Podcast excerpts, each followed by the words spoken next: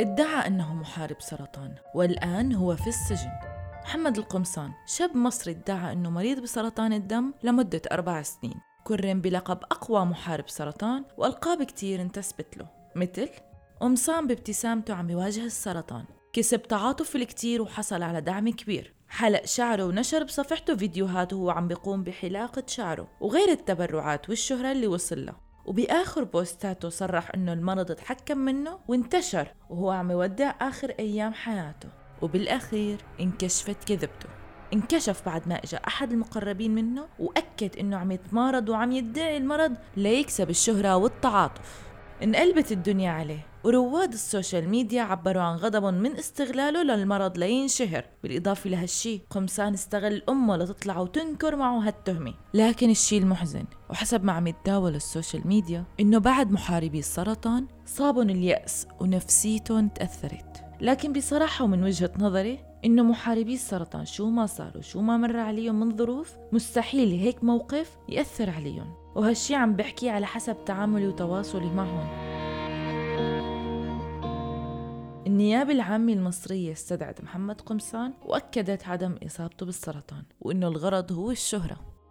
اليوم رح نستضيف بحلقتنا ضيفين الضيف الأول سبق وتعرفتوا عليه طبيب الأورام طارق العبد واللي رح يقدم رأيه بهالحلقة بخصوص قصة محمد قمصان. في مقولة أحيانا ممكن تنقال إنه من السهل إنك تكون ترند ومن الصعب إنك تكون brand هلا أنا بدي أحكي من وجهة نظر طبيب بالموضوع. أكيد إنه حالة الهوس بالشهرة والرغبة بالشهرة حتى لو كان ثمنها زيادة التعاطف مع الآخرين على وهم غير موجود وحتى لو خلق حالة وهم سلبية مع اللي حواليه ومع المحيطين بمن فيهم والدته فهذا يدل على مرض نفسي 100% وهذا يدل على اضطراب بالسلوك وبالشخصية وبالحالة النفسية من وجهة نظر كطبيب أورام كونه هو ادعى أنه هو مصاب بالسرطان نشر كتير فيديوهات لإله وعمل بث مباشر ولقب بمحارب السرطان وصار حالة ببلده بمصر وعبر السوشيال ميديا. عرفت أنه أخذ جوائز وأخذ تكريمات بالآخر لحتى طلع من فترة وقال أنه السرطان استفحل بجسدي وأنا بوصيكم تدفنوني بالنهار. هذا الكلام يعني لأي مدى معناته هذا الشخص واصل لمرحلة من هوس بس الشهرة إنه يوصل حاله لمرحلة الموت ليزيد تعاطف الآخرين. المشكلة الثانية وهي الأثر السلبي الثاني اللي ممكن نفكر فيه هو إيه ردة الفعل السلبية بالنسبة للمرضى؟ نعرف أنه مرضى السرطان ببلدان العالم الثالث مو بس بمصر وبكتار بلدان عربية هن بيتلقوا جزء من الدعم العيني وغير العيني عن طريق هيئات ومنظمات وجمعيات أهلية تعنى بمرض السرطان وأحيانا بتساعدهم بالأدوية أحيانا بتساعدهم بما هو ما بعد الأدوية بالعلاج بتفاصيل الحياة. هي تعتمد على حالة الثقة ما بين هدول الأشخاص وما بينه الدكتور بيقصد إنه في شركات ومنظمات بتساعد اللي عم يحارب السرطان. فقديش هالقصة رح تأثر وتهز ثقة المنظمات؟ ورح تتشربك وتتعقد الأمور أكثر بينهم. بقصد بين المنظمات ومحاربي السرطان. فخلينا نتخيل ردة فعل هي الجمعيات أو هي الهيئات الصحية لما يكتشفوا أنه شخص كان عم يسوق لنفسه على أنه هو مريض سرطان وهو يحارب السرطان مثل ما يدعي بالابتسامة وبعدين نكتشف أنه هو كذاب لا يوجد شيء من هذا الحقيقة وللأسف مو بس هو يعني مو بس ورط نفسه ورط والدته أيضا.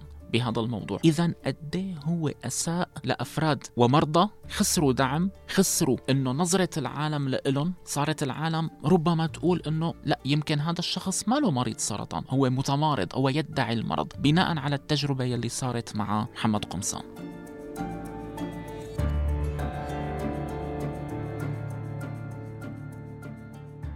هذا الشيء اللي بيخلينا نتضايق أكثر وهذا الشيء اللي بيخلينا نحزن أكثر رغم أنه بحكي عن حالي وبحكي عن جزء منيح من أطباء الأورام أجزم بوجود تجارب حقيقية وصادقة لمرضى مصابين بالسرطان كانوا عم ينشروا يومياتهم وقصصهم ومعاناتهم واللي بدون نحن الأطباء ما كنا نقدر نعرف عوالم خفية بحياتهم. ولا نعرف عوالم ما بعد الجرعات ولا عوالم ما بعد الإصابة أو كيف هذا المريض عم يعيش حياته بالبيت. لولا هدول الأشخاص. ونحن بنجزم إنه هن صادقين لأنه هن كنا عم نشوفهم عم يجوا على المشفى وعم ياخذوا جرعاتهم بغض النظر عن أي بلد أو وين كانوا هدول الأشخاص.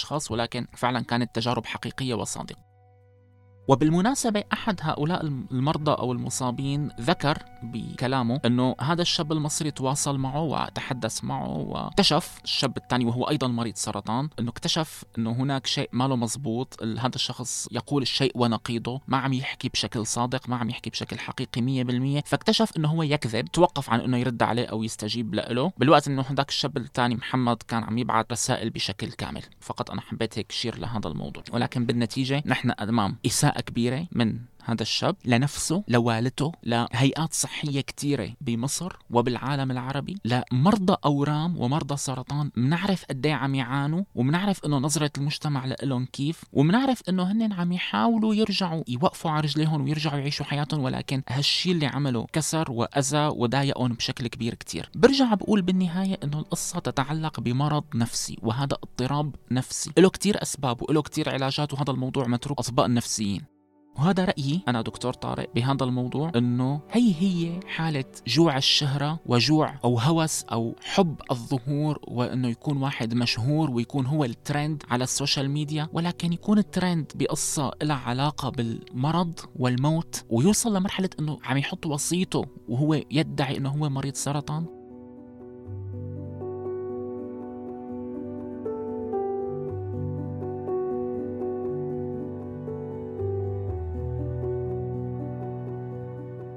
وضيفنا الطبيب بهجت بلبوس طبيب نفسي كان له رأيه الخاص وبيختلف بعض الشيء عن رأي الطبيب طارق.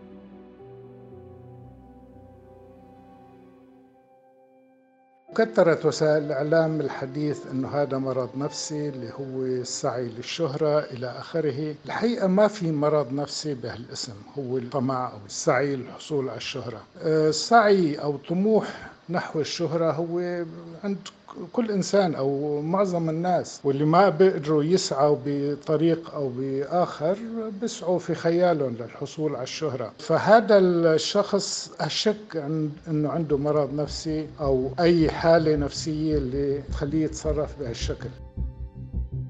هل يعتبر هذا المرض نفسي أو وسواس قهري؟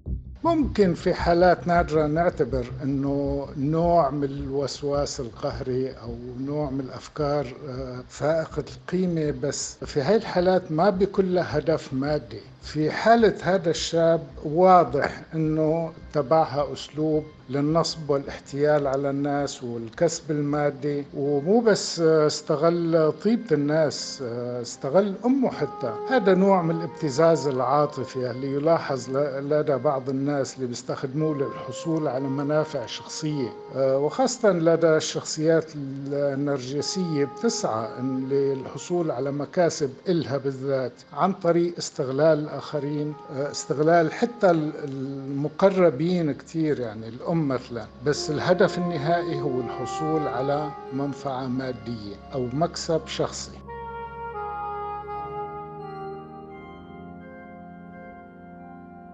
دكتور بهجت وبخصوص إنه عم يتم تداول أخبار عن توقف بعض محاربي السرطان العلاج. أشك أنا في هاي المعلومة. ما في مريض مصاب بالسرطان بيسعى آه، أو بيترك لأوهام معينة بيترك علاجه اللي عم يتابعوا لدى الأطباء المختصين. فأشك أنه في مريض عم يتابع العلاج الكيميائي بشكل منتظم رح يتركه تحت تأثير هاي الأخبار اللي نشرها هذا الشاب.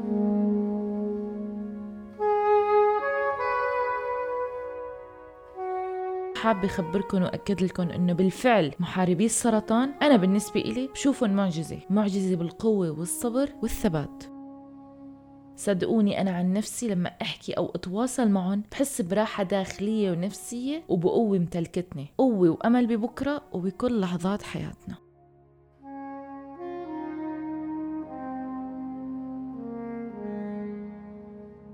هذا كان رأي الطبيب بهجت والطبيب طارق. محمد قمصان أساء كتير لحاله وللي حواليه. بس شو ما صار رح يضلوا محاربي السرطان هن الأبطال. لا بيقدر محمد ولا غيره يأثر عليهم لأنهم أبطال مو ناس عاديين. أصدقائي وإنتو شو رأيكم؟ شو الأسباب اللي دفعته لمحمد قمصان للقيام بهالعمل؟ شاركونا آرائكم وتعليقاتكم. كنتوا عم تسمعوا حلقة جديدة من بودكاست حكايتي مع السرطان؟ كنت معكم أنا غيداء مراد آغا. استنونا بحكاية جديدة وإصرار جديد. سلام!